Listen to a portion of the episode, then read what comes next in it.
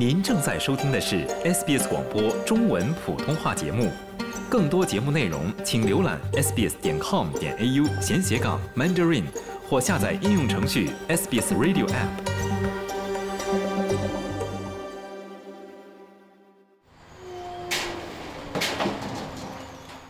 在维多利亚州各地的伐木场和木材厂业务正在逐渐停滞。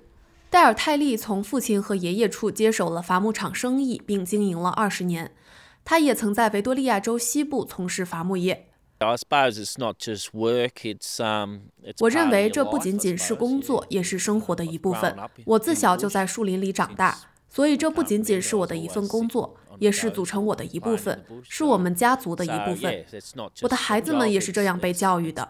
我们会去丛林中露营、玩耍，我们非常喜欢这一切。孩子们也会来看着我们工作。我想这是我们基因里的一部分。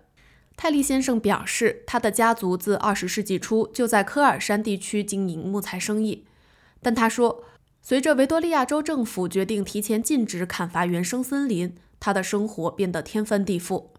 I feel maybe I'm going to let my family down, like we had plans and things to do, like there was. 我感觉我会让我的家人失望。我们早就计划要做一些事儿，比如说，我们本来打算买下隔壁的土地，本来可以扩大我们的农场，现在我们做不到了。我们最担心的还是孩子们，我总想为他们安排好一切。他们现在都还在上学，我想给他们留一些银行存款，帮助他们。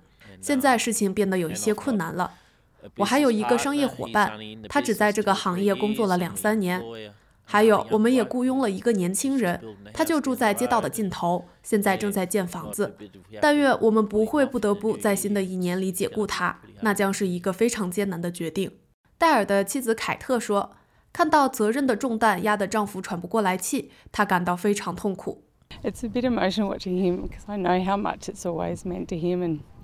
看着他的样子，我有点激动，因为我知道这对他来说意味着什么。这可能与他和父亲之间的紧密联系相关。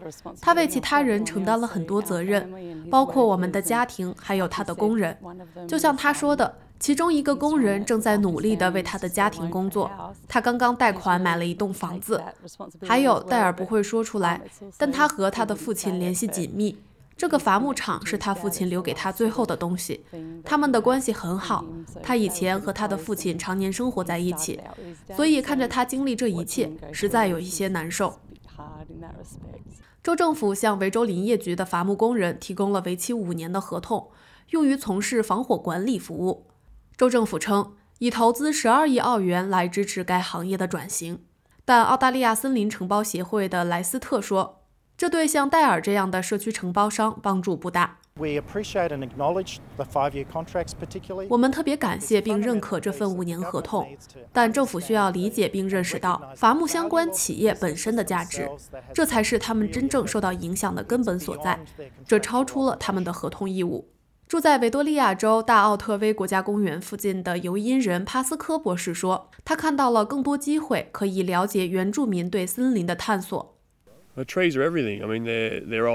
Spirits, 树木是一切，它们是古老远古的精灵，对于帮助我们了解族国以及族国之间的关系非常重要。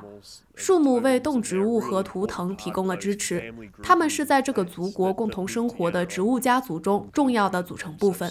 某些品种的树为人们提供了更多食物和药物的种类。帕斯科博士表示，除维州采伐禁令外，他还希望原住民能更多的参与到本地森林的管理中来。我认为我们这个州，澳大利亚的东南部乃至整个澳大利亚。在管理森林方面都有一段不光彩的历史，它在很大程度上依赖于亲临砍伐，这带来了严重的生物多样性问题和景观问题。所以我认为，这就是我们需要考虑这项禁令的初衷。我认为这也是一个机会，让我们不再非黑即白，要么伐木，要么不伐木，而是采取更好的做法。维州并不是澳大利亚禁止在公共土地上采伐原生林的唯一辖区。西澳洲也将在明年开始禁止采伐原生林。此外，还有南澳洲和澳大利亚首都特区也加入了这一项禁令，但这两个辖区内并没有原生林。目前北领地有一家原住民所有的林业企业，在昆士兰州、新南威尔士州和塔斯马尼亚州仍允许林业发展，但要求在全国范围内禁止林业的呼声日益高涨。联邦政府的一位发言人表示，该行业面临一些挑战，政府将与各州、领地和行业合作，更新其国家森林政策声明。据估计，维多利亚州的禁令将影响两千六百个工作岗位。泰利和他的两位同事就是其中之一。维多利亚州政府的一位发言人说：“社区林业支持计划将帮助工人们顺利脱离这个行业。”但是，泰利在维多利亚州西部的商业伙伴比顿说，他毫无准备。至今仍没有在明年一月一日之后的商业计划。What do you do until we have a reason or an option out？在有理由或选择退出之前，我们该怎么办？我们什么都没有，我们被束缚住了。我们本来被告知禁令要到二零三零年才生效，所以我们本以为有十年的时间。我们本来觉得那行吧，在那时之前我们会提前计划好的，等到那一天真正到来时，我们也能有所作为。结果他们突然取消了这个计划，让我们退无可退。